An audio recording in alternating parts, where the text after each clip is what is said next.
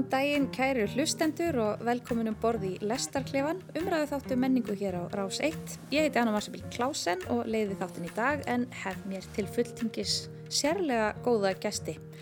Já, það er fáment en góðment hjá okkur í klefunum í dag. Hjá mér sitja þau Baldvin Albertsson, leikstjóri og stopnandi Vitar Games uh, leikjastúdjó. Er þetta ekki rétt hjá mér?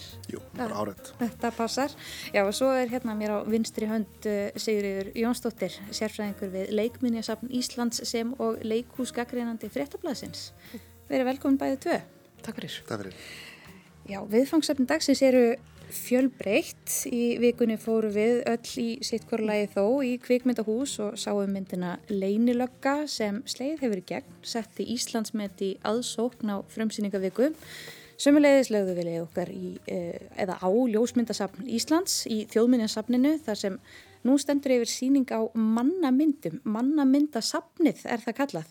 Í þriðja lagi lögðu við síðan við hlustir, spertum eirun og hlustuðum á nýjustu plötu rapparans Byrnis sem ber nafnið Busito. Við ætlum þó ekki að byrja þar, heldur á leinilökunni. Kvikmyndin Leinilögga, uh, henni er leikstýrt af Hannesi Þór Haldórsinni. Þetta er hans fyrsta kvikmynd í fullri lengt. Hann hefur enda verið já, vant við látin, getur við sagt, við knattspyrnu markvarslu fyrir Íslands hönd um nokkurt skeið. En hann hefur líka verið samt meðfram því virkur í uh, kannski helst auglýsingaleikstjórn. Hann er skrifaður fyrir handreitinu á samt þeim Nínu Petersen, Sverri Þór Sverrisinni, betur þettum sem Sveppa, Agli Einarsinni, Gilsenegger og auðunni Blöndal, auða, en þeir þrýr síðast nefndu leika allir í myndinni, Egil og auðun fara með aðal hlutverkin. Og í lýsingu myndarinnar segir að auðun Blöndal leiki besta lauruglumann Reykjavíkur sem á í baráttu við sjálfan sig á sama tíma og hann tekst á við hættulegasta glæbamann landsins, ílmennið Rikka sem leikið er af Byrni Hlini Haraldsinni. Við þurfum að gefa út höskuldar viðvörun áður en við byrjum að tala hér Endilega. um þessa mynd. Já, það er sem sagt líklegt hlustuðu góðir að það komi fram í þessari umræðu svo kallað spilli efni um söguþráð myndarinnar. Ég ætla að byggja ykkur Baldvin og Sigurinn um að vera ekkert hrætt við það. Að því sögðu, Baldvin, hvernig fannst þér myndin? Sko, ég sá 12 ára, bönnuðina 12 ára útgáðuna og fór á hana með 13 ára frænda konunum minnar. Fínt að hafa svona annan aðla með og það sem ég ger yfirleitt í dag, ég yfirleitt horfa ekki neina stiklur og kynni mér sjálf sem voða lítið bara kynningrefni eða markastefnir kveikmyndir á hann í síðar. Mm Við kannski, ég fæ að grípa inn í að því að þetta er, mikilvæg punktur hér. Við sigga við sáum 16 ára útgáfuna því að það er eins og segir, þetta er gefið út í tveimur útgáfum til þess að yngri genslaðin geti líka farið á hana. Sem er ansið sérstækt bara svo ég klári þess að, eða svona byrja þessa umræðu er að í salnum sem ég var í, þrátt fyrir að þetta væri 16 ára pluss, að þá síndist mér að yngsta fólki sem væri að inni væri kringum 12 ára. Já, ég- þá hef ég fyllt með fullorn. Þannig í raun og verum að spyrja sig Hvort, hvort þetta skiptir máli? hvort þetta skiptir máli eða ekki eða hvað þetta þýðir. En halda áfram. Við þurfum alltaf að finna út hvern munun á svona fjórum árum, hvað þú sá sem ég sá ekki. Já, Ég nákvæmlega. sá ágætlega þessa nótt sko, þannig að það var ekki þannig sko. og ég fór að sjá myndina og hérna, ég vissi, raunin eins ég vissi bara að þetta var byggt á þætti sem er gerði fyrir löngu síðan og þetta hefði verið draumur Auðun Blöndals og Sveppa og Hannes kom inn í þetta að gera myndum þetta og uh, það blés á móti, það gekk ekkert vel, fengu lítið fjármæk, gerði allt sjálfur og svona. Og svo bara kom það til að ég fór að sjá hana, þetta er eina, eina sem ég veit. Og mér skiptur rosa miklu máli þegar maður horfður á ísmynd, þá tala ekki um ég held að þetta sé fyrsta íslenska hasamyndin held ég, eða ekki, þú veist. Já, fer eftir kannski hvernig við skilgreinum skilgreinina á, en svona hasamynd. byrjunarsenan allan að gefur þau fyrir að þetta sé svona, maður ekki séð svona áður í bíómynd og talandi um höskuldaviðurinn en þá er bara bara að byrja að myndi með látum það sprenging í borgartúni og út keirir á miklum hraða bara einhver mannski á móturhjóli og bara allt brálað og þessi búsi okkar maður, auðvun blöndal fyrir að staða eldan þannig að maður þarf strax að ákvað þarna að muna, þú veist ég keiri daglega það sem búsi er elda þannig, að þú veist, maður þarf strax að segja ok, þetta er bíómynd og við ætlum bara að, ætlum að leiða sér að fara inn á hugurheim ok, ég ætla bara að kaupa það að reykja ekki svona.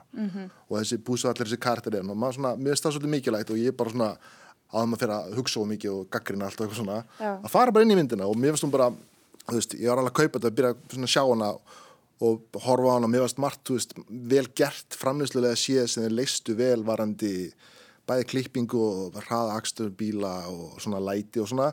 Svo sér maður líka náttúrulega hvar ber fyrir sömsbrettinum út að þegar, þegar fjármálinn fóru að stríða þeim, varandi tæknibrellur og svona. En svona ég er svona sem svona ángraði með mestu myndina er, ég, það er ekki alveg skýrt er þetta grín hasamynd eða hasamynd mm. vegna þess að ég fór að að sjá því að hóra myndina svona líkindi eins og til að mynda ég vissi hún var í innblásin af kvikmyndu nýjönda áratugurins og maður fór að sjá og hugsa að ah, þetta er svona auðvun blöndalið, svona John McClane Die Hard típa og svona mm -hmm. Beverly Hills Cop Já, og svona, og okay. Lethal Weapon, svona allt þessi Já, grúpa af, af myndum einmitt. og svo fór ég alltaf að hugsa svona líka annars mér varst áhugað svona en byrju hún minnum eins og pingu lítið á Súlandir ég hef stútir að Súlandir grimt mm. og mér veist gott dæmum það er þegar Cardinals Eils Einarssonar er kynnturinn sem þessi allt er ígóð þess að búsa, hvað maður kalla og í Glæsibæ, en í Garabæ, Glæsibæ mér fannst það svona, mér fannst það ágættis fyrirreit vegna þess að það komið svona óvart þannig svona, þetta var svona eins og svona þegar karakter eru kynntir í Súlandir, það er svona profíl hann er þessi einhver miljónamæringu sem ákveður að lögga og Ég held samt að Bjöllinur sé ekkit alveg úr Súlandir líka En málið, sko, ég hugsa bara Mugatu þegar ég sé Bjöllin í þessari mynd, sko En hann er, þú veist, það er verið að tala um og hann er bókstaflega fyrfirandi mótel Já. í þessari mynd. Já. Þannig ég get ekki alveg að ímynda mér heldur en að Súland er eins og alveg réttilega það segir, sé hluti af þessu. Já. En kannski gallin sem ég sá frá byrjun og ég kynnti, kynnti mér þetta ekki einmitt fyrir bara ég var búin að sjá myndina er held ég í grunninn komandi kannski meira úr um, leikusinu að vandin snýst rosalega mikið um handritið mm. og það er að hluta til vegna þess eins og segir, það eru svo margir puttar í þessari, það er svo margir kokkar í kringum súpu. Það er það sem ég grunnaði líka. Og sko. það er, þá verður þetta rosalega svona samansaumað mm -hmm. af hugmyndum mm -hmm. og á svona tökustad geti ímynda mér. Þetta eru fólk, sérstaklega svona kjarni þessarar þessarar bíómyndar eru, hafa unnið mikið saman mm -hmm. í, á öllum mismöndi miðlum og ég fæ svolítið tilfinninguna að það, stemmingin hafi verið þannig að allir eru að gefa okkur um öðrum high five engin hugmynd er vond hugmynd allir segja já og þetta er uh, rittstjórnagalli mm. og þá verður að hafa utanákomandi auga sem stýrir þessum veist, hópi af hugmyndum í einhvern réttan farveg mm -hmm. og vandamáli er líka það sem ég veltiði fyrir mér þú segir að, að þeir að við verum með þetta í maðunum í mjög langan tíma en, og er að byggja þetta á sko fyrstarlegi á þessum myndum nýjunda og tíunda áratöksins en ég held að líka sko eftir þessa um, tískubylgu þá kom tískubylgja af myndum sem gerðu grín af þessum myndum.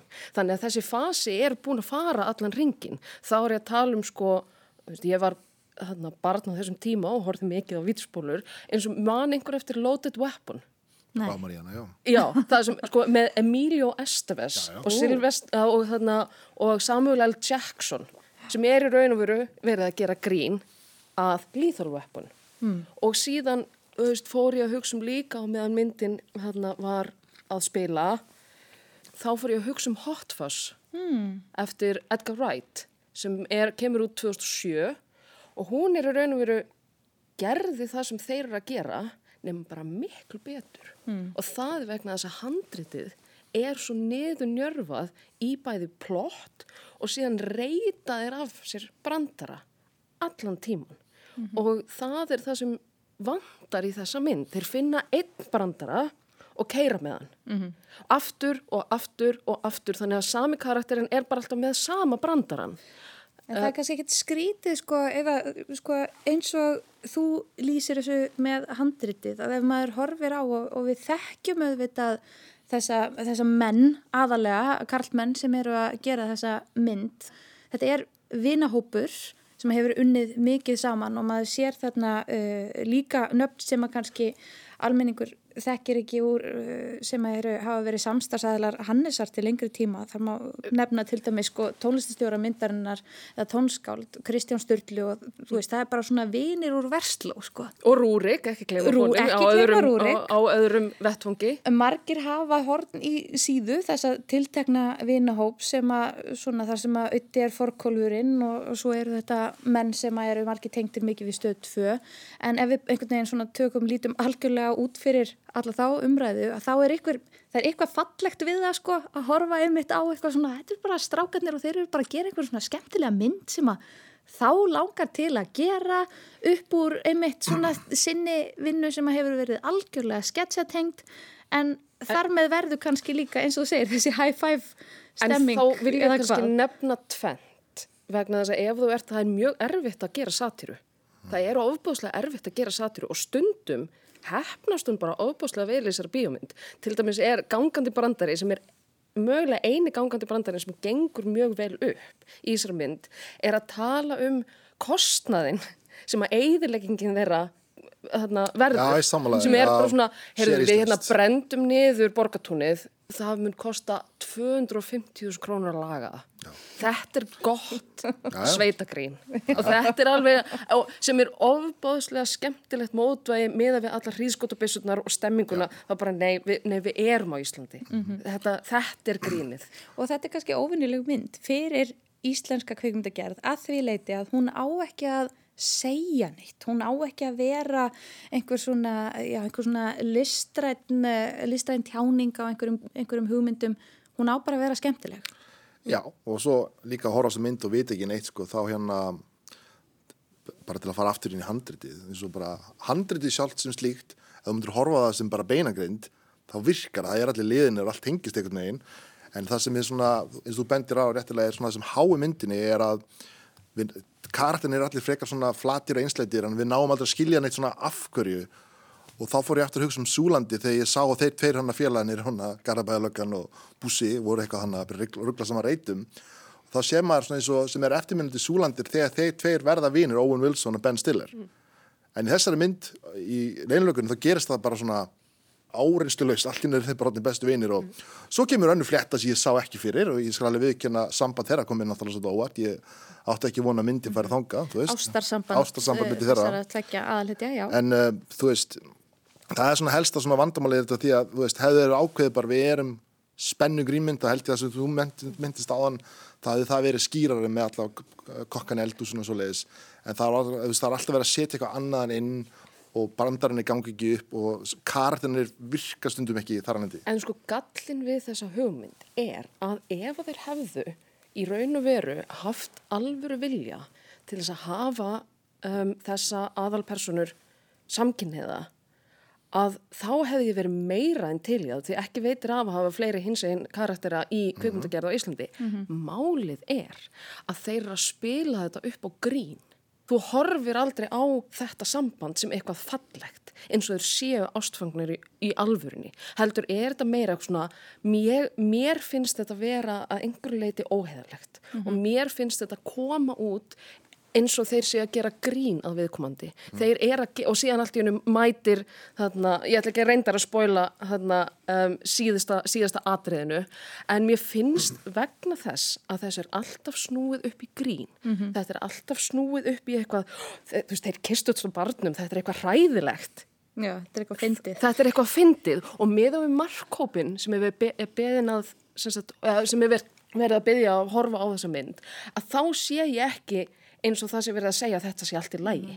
Sko ég er ekki vissum að þeir séu, þú veist, ég skinnjaði þetta líka sem grín og skinnjaði bara sem þetta þykir bara ofbóðslega erfitt í þessu fyrsta atrið þar sem hann á að vera að fara í sleik við gilsineggar, það er bara það er rosa óþægilegt, það er ekki Ekki óþægilegt eins og karakterum finnst það óþægilegt, Nei, heim finnst það óþægilegt. finnst það. En sko, en myndin hefur hlotið mikið lof Erlendis og var heimsfrum sínt á kvikmyndaháttíðin í Locarno og uh, hefur verið sínt á Gautaborga kvikmyndaháttíðinni og víðar og í dómunum er mikið gert úr því hvernig er snúið upp á staðalímyndir og Hannes hefur sagt það í viðtölum að það sem er vilja gert að teimið hefur lagt mikið upp úr því og vilja senda út jákvæð skilaboð í leiðinni og maður sér tilröðina til þess.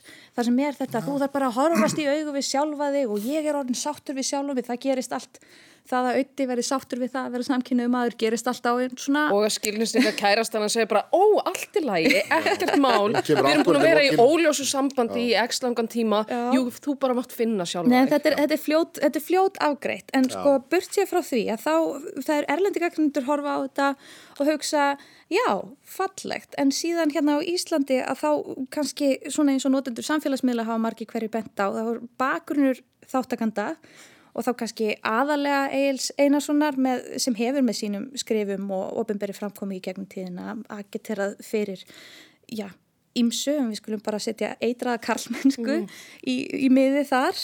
Uh, og, og auðvitað eru þessi menn kannski ekki þekktir fyrir það að við gerum ráð fyrir að þeir gerir grína samkynniðum líka. Vegna þess að þeir hafa gert það í gegnum tíðina. Ja, Þetta, þetta, það er það sem ég er að segja sko, en hefur það, það sem við gerum ráð fyrir af þessum mönnum, hefur það áhrif á hvernig við upplifum myndina?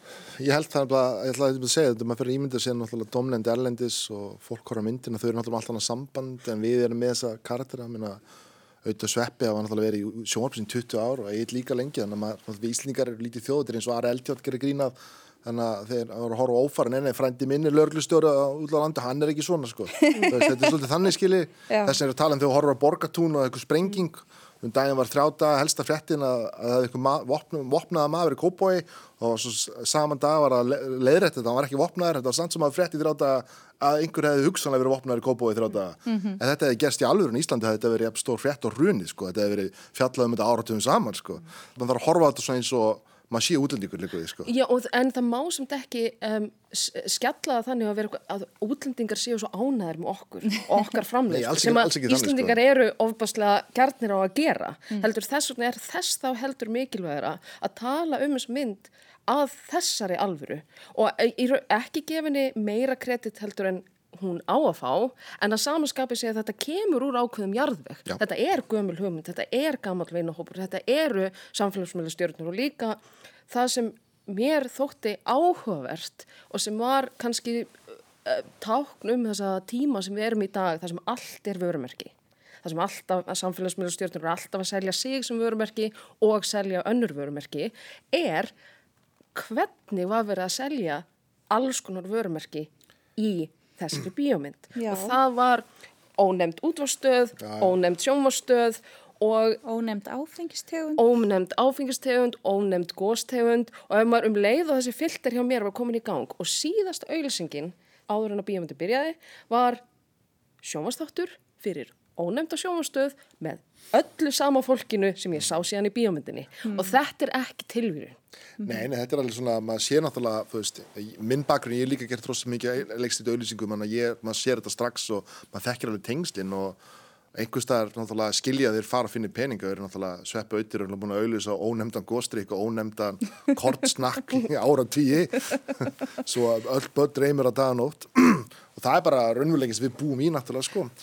Og kannski er umveruleiki sem kvikmyndagerð býr við líka á Íslandi, einhvern veginn þarf að fjármagna já. myndirnar. En, og bara myndin, þú veist, hún líður fyrir handritið í sammála því, einmitt sammála margi kokkar eldur svona mm -hmm. og þú veist, það eru svona hluti sem ég, þú veist, annarkot var ég, var ég ekki fylgjast ná vel með en þú veist, mér fannst eins og tannandum höskuldaviðurinn en þegar það var að sprengja upp ónefndan völl í myndinni þá var ég að hugsa svona, hvað, þetta minnum mig á Die Hard 3 þegar Jeremy Irons leta alltaf fara einhvern barnaskóla að leita sprengju mm. og þá var það bara til að gabba lögguna. Tálbeita Tálbeita og þá segir auðvun blöndal að sagði myndi, þetta er þessi dag hér þrjú, ég eitthvað, hei, rosalega ég er klár? Og svo er það næsta, svo kemur 15 mínúta sena þar sem þau eru þann allir lörglumennin eru og hún hérna lörglustýra í svaka paniki, Stein, við áhörður vitum þetta er, þetta er ekki alveg sprengja þetta er bara, bara einhver hæsi sprengja með einhver djúse eitthvað, við vitum áhörður sann sem er, er allir þessi tími okkar fyrir þetta, við vitum að skipta einhver máli sko. mm. En málið er, talandum sko, það er ákveðin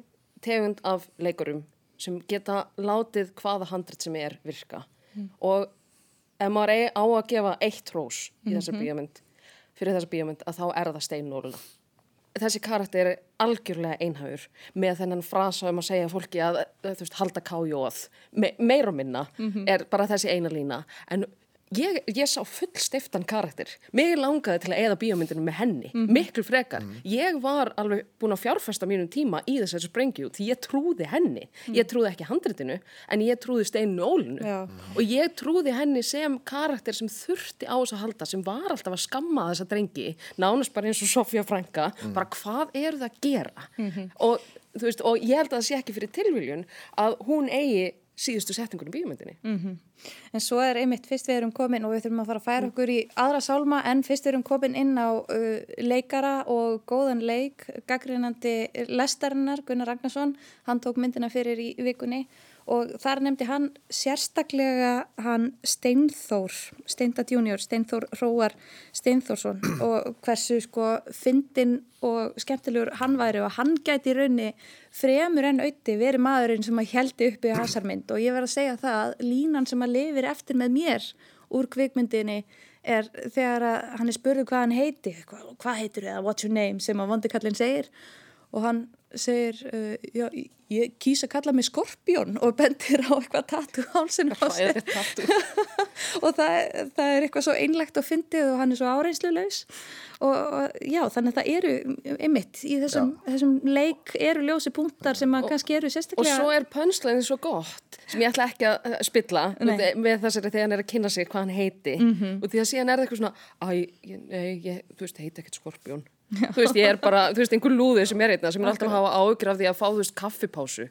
Og það er, það, þetta er gott. Vísanir í íslenskan raunveruleika í eins og þú segir Baldvin þessum veruleika sem að við þurfum annars að setja ykkur einhvern veginn inn í sko. maður gæti svolítið tengt í myndið Steindar Steindar er frábær leikari og ég hef alltaf verið mjög hrifin á hann og hann fær í myndinni sem ég skamma svolítið handliti fyrir svona frekar erfitt hlutur vegna þess að hann, maður sér hvað hann er að reyna að gera mikið með því og það endar eins og það endar ég ætla ekki að spila því en mér finnst það líka bara með marga leikari í myndinni eins og uh, Sveppi fær mjög fyrir karakter hann sem uh, mitt og lítið að vinna með skiljiði sem, sem leikari. Og svo er Jón Jónsson hana mjög flottur með mottu, hann er bara það er ekkert hver sem er verið, hann bara hann fekk ekkert að gera. Að Svo sér Sóli fekk að segja eitt hlut og það var bæja, lörglustjórn í Glæsibæ, nei, Garabæ. Glæsbæ Hérna, hann og Jón Gnar að leika sjálfan sig. Veist, þetta er og svolítið bara en hann þurfti ekki að vera það breytti þess að, og líka bara til að klára umræðina og stöð tvö allar tengingar, eina sem er svona virkilega leiðaldi myndina er þegar hann var hann heiðar austmann, og hann er komin inn í, inn í þessu sögu, svo endar það eins og það endar það breytir myndin ekki neitt. Þá var þetta orðið svona pínu eins og mjög metnaðfullt ásatíða myndbandi og stöð tvö verið að segja bara svona í smástund fannst mér.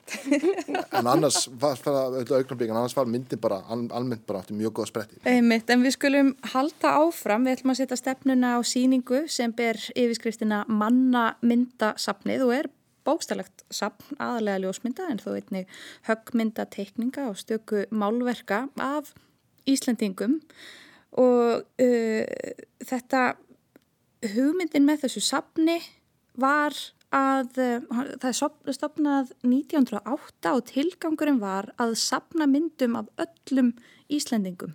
Þannig geti safnið fært saman ásýnd heillar þjóðar, ómetanlegt safn sem myndi gera komandi kynsluðum klift að draga fram mynd af forfæðurum sínum og það hefur ekki gengið eftir, það er ekki myndir af öllum Íslendingum á mannamyndasafninu en þetta er í öruglega á dag internetinu samt. Öruglega á internetinu, öllum Íslandingum frá ákveðnum tíma. En uh, ljósmyndasafn Íslands sem sagt uh, á þetta mannamyndasafn og það telur yfir 55.000 myndir af margvíslegri gerð. Og þetta safn er auðvitað frábær heimildum það sem var en fyrir mitt leiti þá fekk það mig meira til að hugsa um já, það sem er. Núna þegar að ljósmyndir og mannamyndir eru svona já, bara bókstala daglegur partur af líf okkar. Sigurður, hvernig upplifið þú þessa síningu? Sko, ég tengdi eiginlega við hann á sko tvennan máta, aðalega, í fyrsta lagi vegna þess að ég núna er að vinna á leikminnisafni Íslands sem er að sinna varveislu á, á munum til þar á meðal ljósmyndum og þessu umræðu um hvernig við eigum að varðveita samtíman er stórkoslegt mál innan safnagerans vegna þess að við í raun og veru prentum ekkert út eða geymum neitt eða setjum neitt í albúm. Þannig að þetta er bara hvað verður um samtíman okkar? Það verður aldrei verið jafn mikið áreiti og mikið af myndum á ofnböru vettvangi en það þarf ekkert endilega að vera að þær verður til staðar eftir 20 ár. Og þetta finnst mér að vera forveitinlegt en líka á hinbóin er ég um, upphaflega uh, kem ég úr mannfræðinni.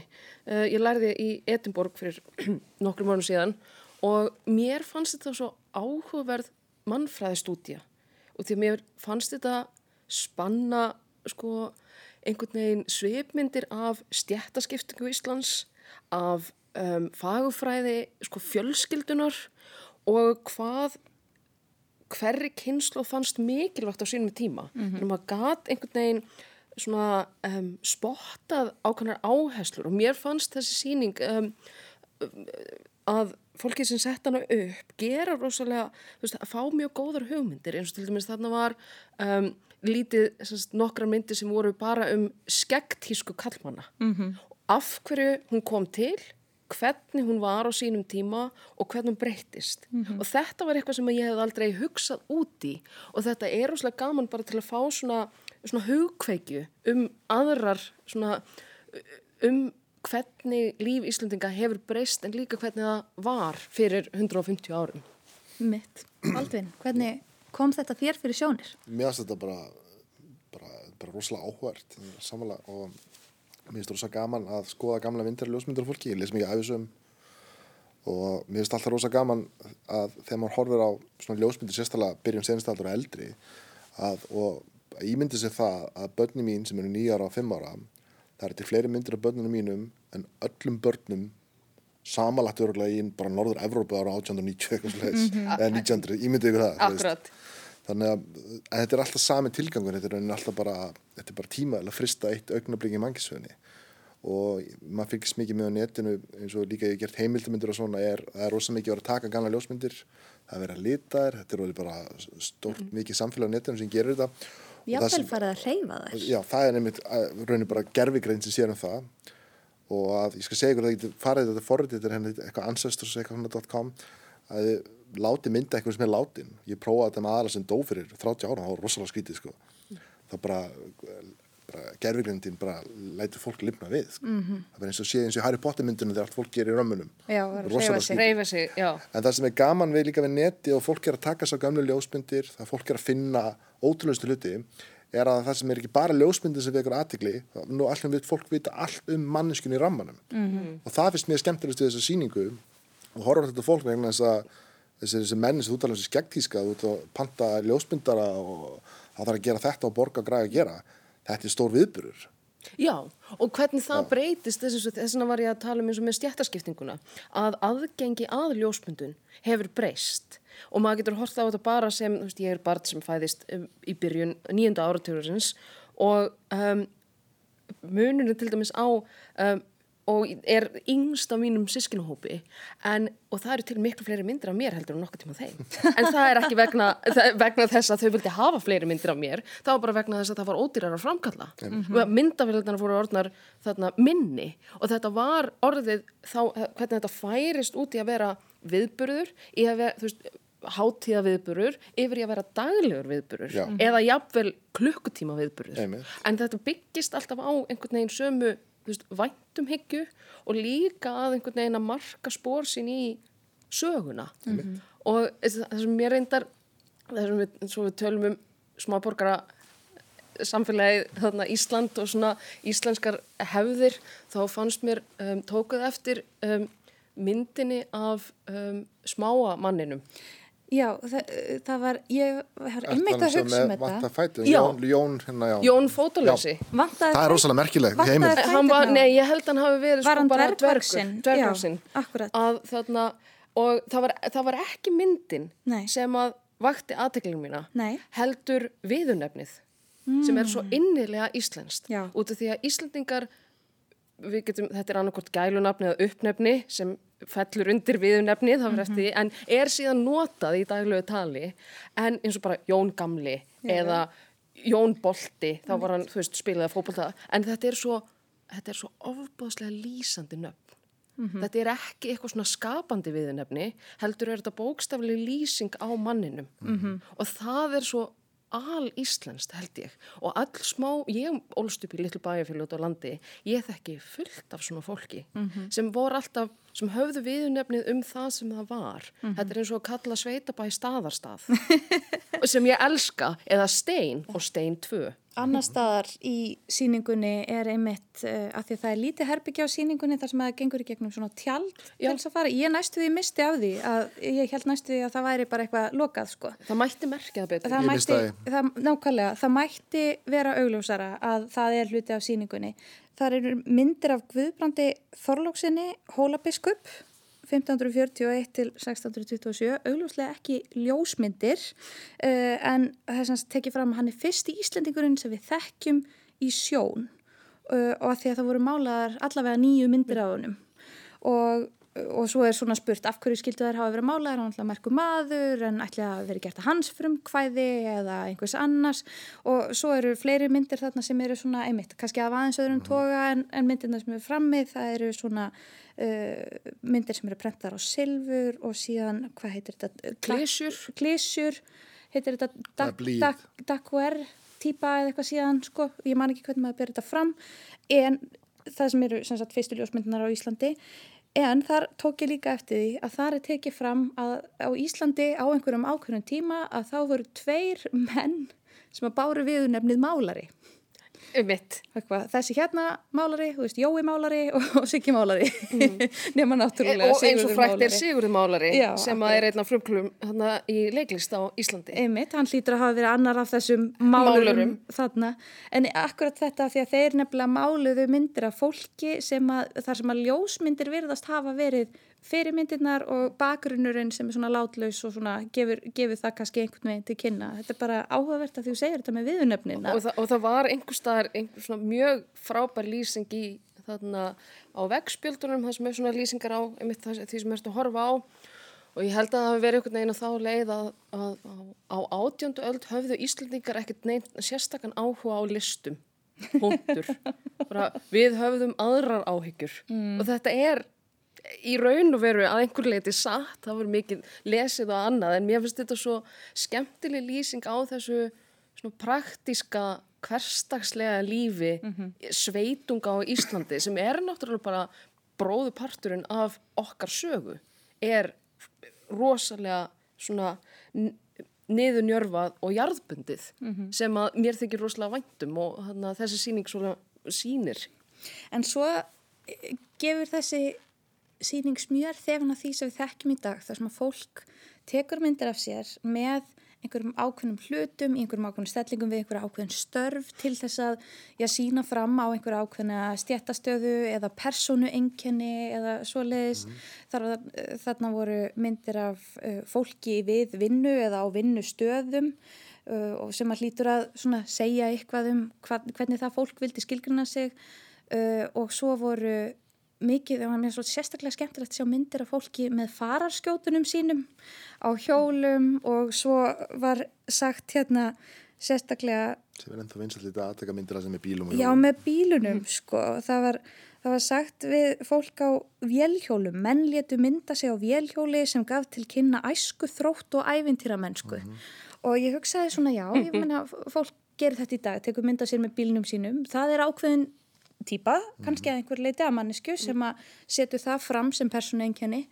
En ég hugsaði, hvernig, hvernig myndi þessi, e, þessi mynd, mynd uh, mannamyndasafn, hvernig myndi þetta líta út ef við tökum 100 ár fram í tíman að þá, að því að við erum sjálf, við stýrum þessu svo mikið sjálf og hvar stýrum þessu kannski helst, jafnvel á Tinder, þar sem við reynum að setja fram hér eru myndir sem að segja hver ég er eins og ég vil líta út. Þannig að þá held ég að mannamyndasafn verði stútfullt af karlmönnum með fisk í hendinni af því að Já. þannig, þannig lítur íslenska tindir út. Einmitt. Það segir eitthvað um, já, Ég kann að veiða. ég kann að Ég veiða, ég bíl. færi björg í bú, já. Já, mér finnst líka áhugavert því að ég kynnt mér oft svona til því að fólki sem er að elstu myndunum þegar það fyrir ljósmyndtöku er kannski mennan um 60 þá er eina sem þeirra að sé að fólki er þá kannski málverk. Og í gamla dag var það náttúrulega stór business að mála fyrir minna að mála myndir að sér. Og ég læriði einu sinni svona listasögu og læriði mikið um enduristna málverkinu og alltaf fræðu hollensku meistarana. Og þá var alltaf til að sína ríkidæmi þá bjóstu á turni og með útsýni. Þá voru allir náttúrulega bændinu bara wow, útsýni maður, þetta lítur að vera rík manneskja þetta skilja að vera allir þessi litli hlutir eða þú helst á epli, það þýtti að vera gáðaður eða varst með Það er svona Já, tákmyndir. það var svona nöttu bara, ég horf á nöttu minn eitthvað, ég kann, ég kann skák og þú veist mála þig. Og þú sér að þessi sama pælingi komin þarna. Og það er bara eiginlega að fyndi hvað lítið breytist þangar til daginn í dag eins og, minna, ég sjálfur, ég á börni, ég veit ekki hversu marga myndir til á börnunum mínu og það er bara skammalegt eiginlega hvað er, veist, þegar, þau gifta sér börnum mín, bara, guð hjálpi þeim, sko. Hvað ég mun eðilegja það með öllum myndunum og vítjónum, sko. En uh, mér finnst þetta bara einmitt líka að fara áfram mér varst rosa áhugað líka að það var safnið með Íslandinga sem fórust sér í heimsturöld þetta var eitthvað sem gerir svo rætt að fólk bara tók ekki eftir þessu. Og einmitt myndir að nýláttnum fólki en því gana þetta einhver dó barnandið var náttúrulega miklu algengar hérna áður fyrir maður er bara búin að gleyma þeim. Og maður skilur þetta svo vel. það er sem maður fær svona smá í magan að það sér það því þetta var svo algengt sko. En ég get alveg ímynda mér að sko, hugsa þér ef þú missir barn, kannski það þriðja og þú hefur núna tök á því að hafa eitthvað líkamlegt til þess að minna þig á að þetta að barn hafi einhvern tíma verið til. Oft er þetta svona myndatökur fordæmdar og hvaða ógeð var þetta fólk að vilja ta láta taka mynd af veist, látnum bróðu sínum.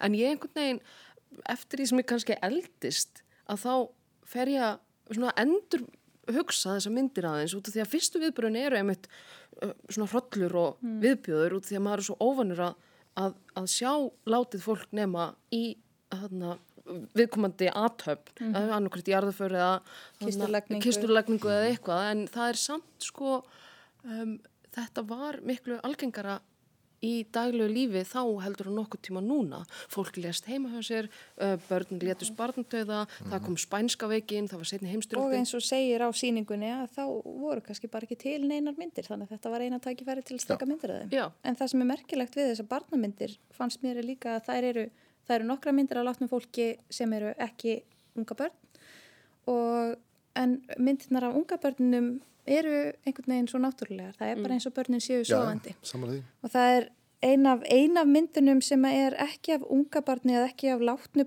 unga barni sem sagt já, en er af, maður, Nei, en það er, ég er að hugsa sko setna af því að maður heldur áfram og þá kemur að, að partið þar sem eru síndir svona sérlega skrautlegi rammar. Já, og þar er mynd af stúlku sem að lést líklega fjögur ára gummul minni mig og þar sér maður skrautið í kring að það er búið að það er hár. Já. þannig að það hefur verið klift af henni og sett þangað.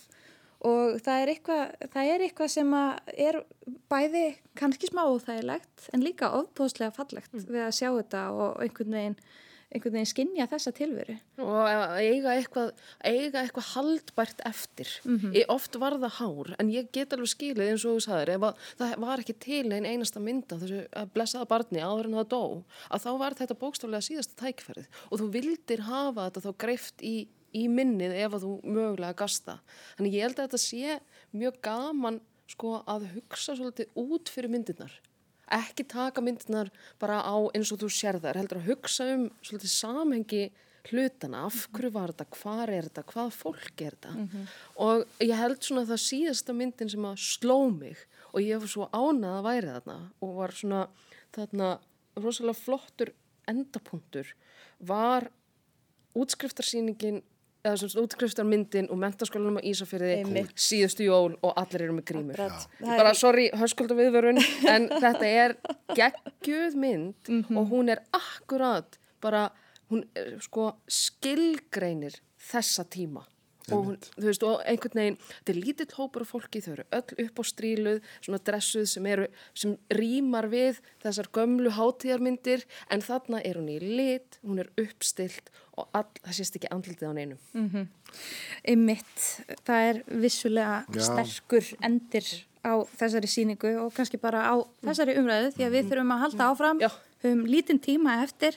Það er bara kannski bara allt í lægi að það hafi ekki komið hérna þriðji gesturinn sem átt að koma en forfallaðist vegna flensu því að hún hefði ekki komið orði að svona í okkar þryggja en uh, það hefði verið gott að hafa hana núna því að uh, við komandi er yngri manneskja yngri tónlistamanneskja og við ætlum að tala um uh, aðra breyðskifu rapparans Byrnis plötu sem Íslenskt rapp áhuga fólk hefur beðið eftir um nokkurt skeið. Það eru þrjú árfræði síðasta plata hans, Matador, kom út.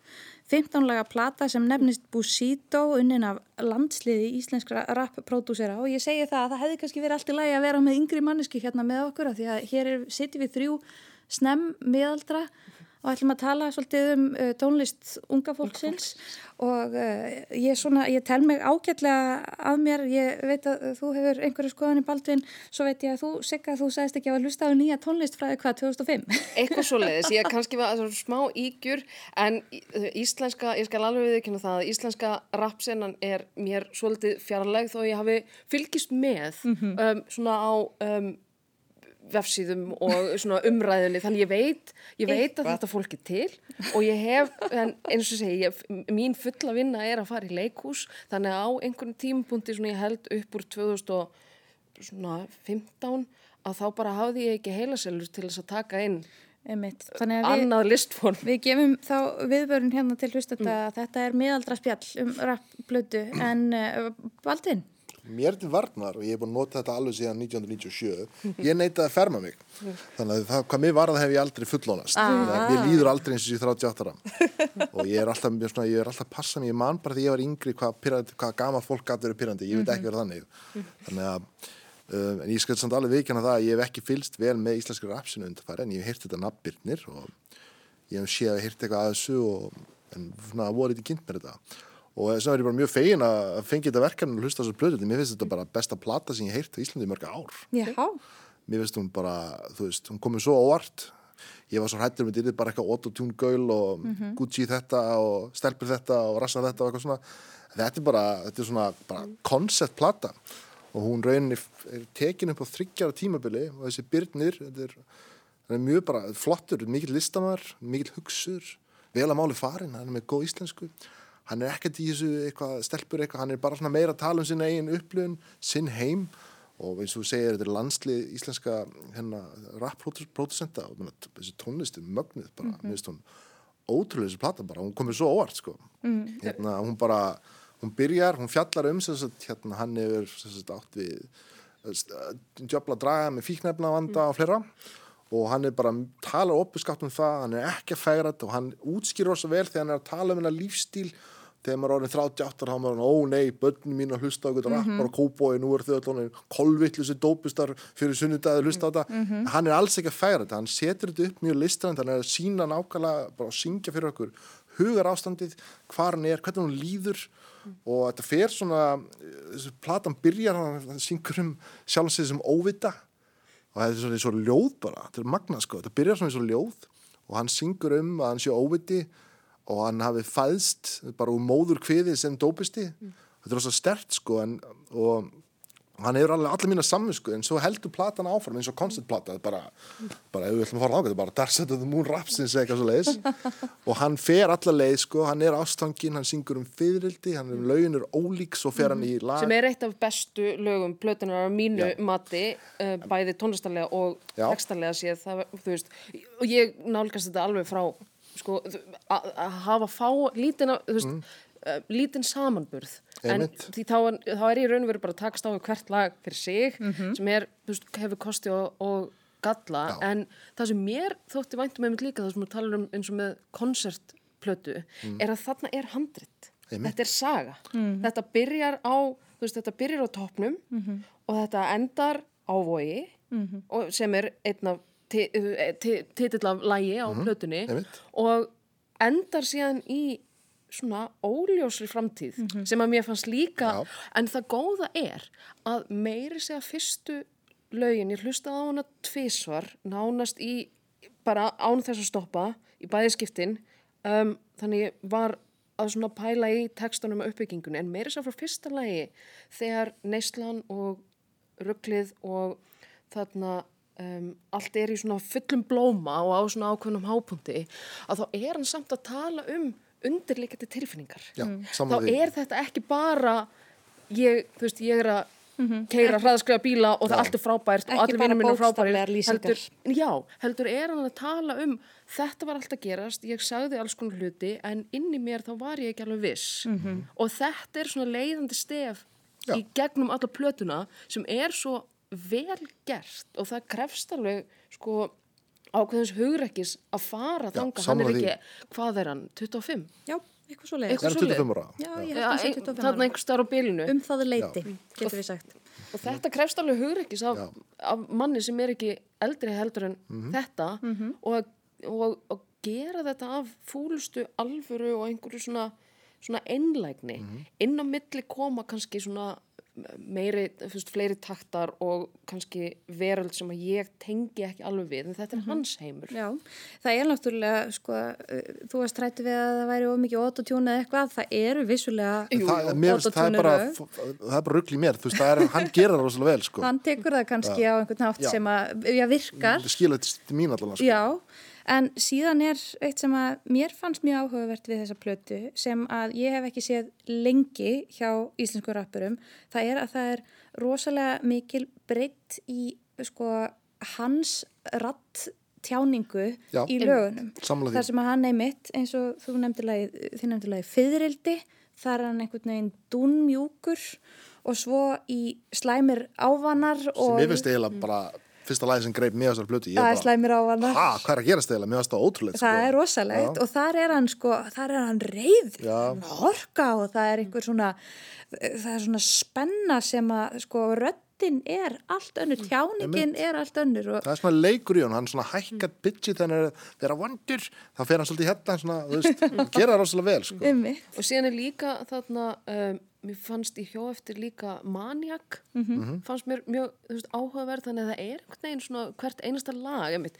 hann litar þetta með svona mismunandi þarna, mismunandi nánast leik eða söng og því þetta hann fer inn í karakter hvers lags fyrir sig.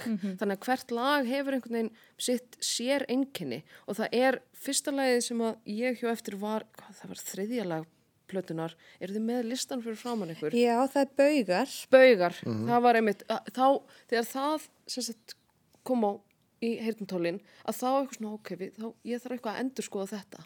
Ég þarf eitthvað aðeins að, að, að hugsa þetta veist, upp og nýtt sem eru svo hressandi. Að, að, að einhvern veginn leifa sér það að fara inn í um, einhver svona veröld sem maður þekkir ekki og, og horfa á listafólkið út frá þeirra eigin fórsöndum og hvað þau eru að reyna að gera og, að, veist, og spurningin er tekst þeim það eða tekst þeim það ekki og það er svolítið grundvöldurinn með allt það sem við erum að tala um alveg sem með kvikmyndina áðan að þá er þetta svolítið, það skiptir einhver máli hvaða gerð listar þetta er heldur er þetta spurningum þú veist, nálgun og niðurstöðu Já, ég held að, ég myndi þú segir rétt, að ætlunverk hans skilaði sér alveg til mín, finnst mér. Og ég hlustaði að viðtalvenni gæði sem hann tekið hérna og hann talaði hans um þetta. Og hérna, minna, hann er 25 ára, mér finnst þetta bara, þú veist, er, þetta er alveg svona, þetta er alveg svona alvöru listamæður, sko. Og hérna, mér finnst svona lögin einmitt, þau eru mjög ólík og það er einmitt allt hátt uppi, svo fer hann niður, svo aftur upp, svo er hann alltaf reyna að réttlæta lífstílinn, halda áfram, svo endar hann í skuld og þetta er svona, eins og segi, bara geggjur saga, sko, og hún er áhugaverð og svo endar þetta eftir vok, þá fer hann í hæðir. Þá kemur hann út með Catharsis hann far högnaðan með, hann er með GTRN Já. rosalega flottar einkomur og svo náttúrulega bara, ég, ég fann hverki listan yfir prótesandana, sko. En ég bara, bara verið gana að vita hver stóð bak hvert lögin, sko. En þetta er einmitt svo, sem er líka ábúrslega áhugavert er að þetta svona endurspeglar ferðalag fíkilsins. Þú veist að þetta er þessi hæður og, þarna, og lægðir sem koma. Þetta er, þú ert rosa hátt uppi, þú ert rosalega látt niðri og þú, eh, þú veist, oftar en ekki þegar fólk kemur úr, úr meðferða þá er það á í, mm veist, í sjönda himni. En þess vegna fannst mér síðasta lægið ég, sko vekja upp svona er von en samt óvissu. Það heitir púls. já, að þú sért með, þú ert á lífi en þú ert ekki alveg vissum hvað kemur næst. Nei. út af því að það er einmitt mjög óvanalegt að þú verðir alveg hreitt eftir fyrstu meðferð. Þetta er, og, og eða að það að vera edru eða að þarna algjörlega neyslu laus er lífstíðarverkefni.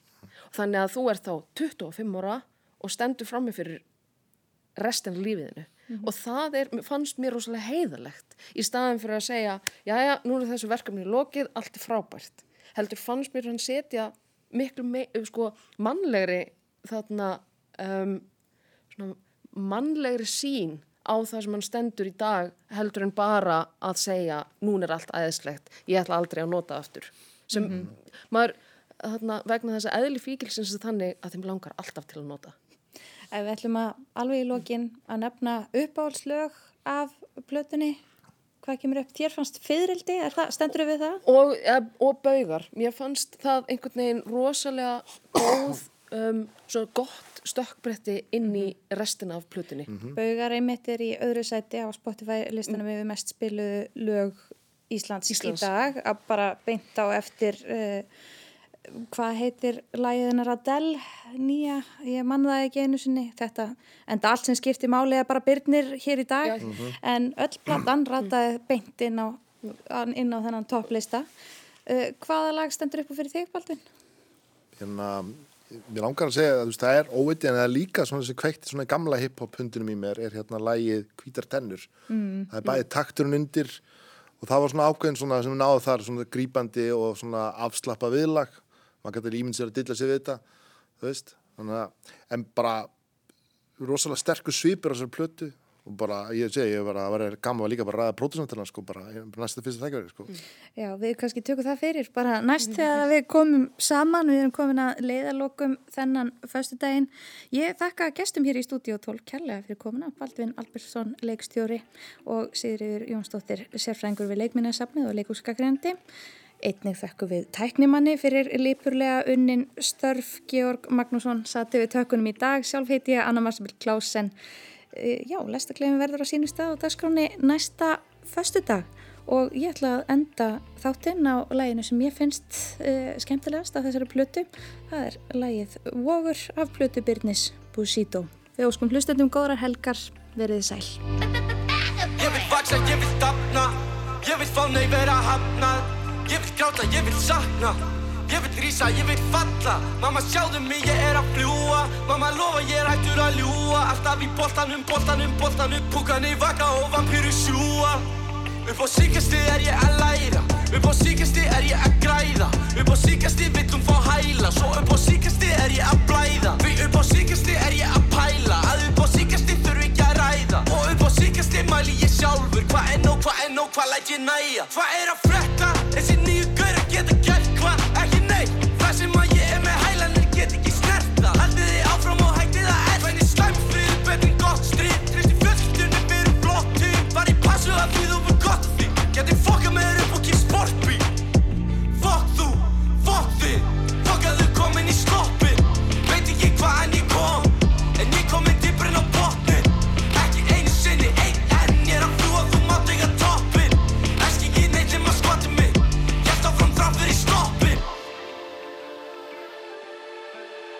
Ég verið með að líka mista. Ég fæ borga en að því fyrsta. Var með fólk á listin, brendi listan. Ef ég stoppi, gerða kista. Pappa er pillu og leita Einhverju ég bara búin að við það Ég var að ljúa sjálfur mig spyrja hvað segir þú Bitch, ég segi satt? Eyði ekki tíma, ég býð ekki En ég eyði bímu ef ég skvíl ekki. Rýmum mig saman og